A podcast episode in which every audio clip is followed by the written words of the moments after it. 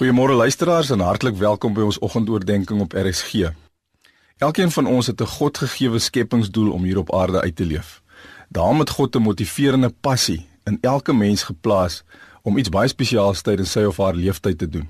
Daar's net een persoon presies soos jy en niemand kan die droom waarvoor God jou geskaap het beter uitleef as jouself nie. Toppresteerders in enige veld beskik oor 'n paar basiese eienskappe wat hulle in staat gestel het om die hoogste sport te bereik. Dieselfde eienskappe is aanwesig by bekende Bybelfigure wat daarin geslaag het om hulle Godgegewe skepingsdoel op aarde te vervul. Die eienskappe sal vir jou en my ook help om ons Godgegewe skepingsdoel te kan verwesenlik. Die eienskappe is eerstens dat ons ons skepingsdoel of ons doelwit vir onsself duidelik formuleer. Tweedens dat ons die nodige voorbereiding en opleiding ondergaan ten einde hierdie skepingsdoel te verwesenlik.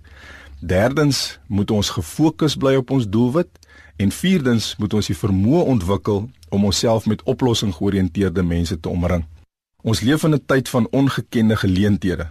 Dit help egter nie om elke opwindende geleentheid wat oor ons pad kom aan te gryp nie. Wat die Here van ons verwag is om te alle tye sy wil te doen.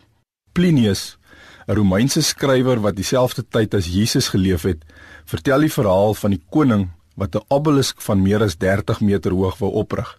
Die koning het 20000 manne aangestel om die toue te trek en die huisapparaat te hanteer. Die projek was uiteraard 'n waagstuk en die betrokkenes sou groot verantwoordelikheid en toewyding aan die dag moes lê.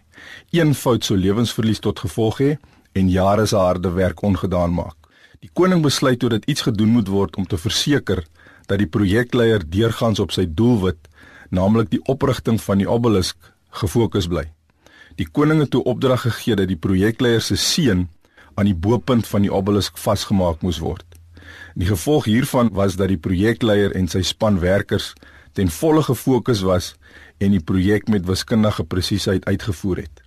Die vierde eienskap wat van mense toppresteerders maak, is die vermoë om hulle self met oplossing-georiënteerde mense te omring.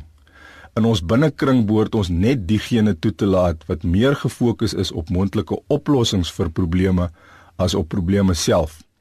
Hierdie beginsel word duidelik geïllustreer in die verhaal van die 12 verspieders in Numeri 13.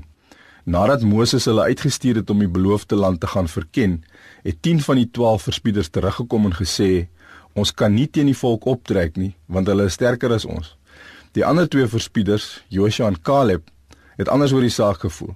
Nadat hulle die gebied gefynkam het, het Caleb namens hulle die woord gevoer en vir die volk gesê: Laat ons gerus optrek en die land in besit neem, want ons kan dit sekerlik oorweldig. En omdat die volk die meerderheid se aanbeveling aanvaar het, het hulle dit wat God vir hulle beplan het, gemis en het die volk nog dekades lank doelloos in die wildernis rondgesweef. Dit is dus van deurslaggewende belang om onsself te omring met mense wat eerder oplossings as probleme sien. God het in elkeen van ons 'n motiverende passie geplaas om iets baie spesiaals tydens ons lewenstyd te doen en die Heilige Gees sal ons help om gefokus te bly op ons doelwit en hy sal ook oplossing georiënteerde mense oor ons pad bring sodat ons ons skepingsdoel hier op aarde kan verwesenlik. Amen.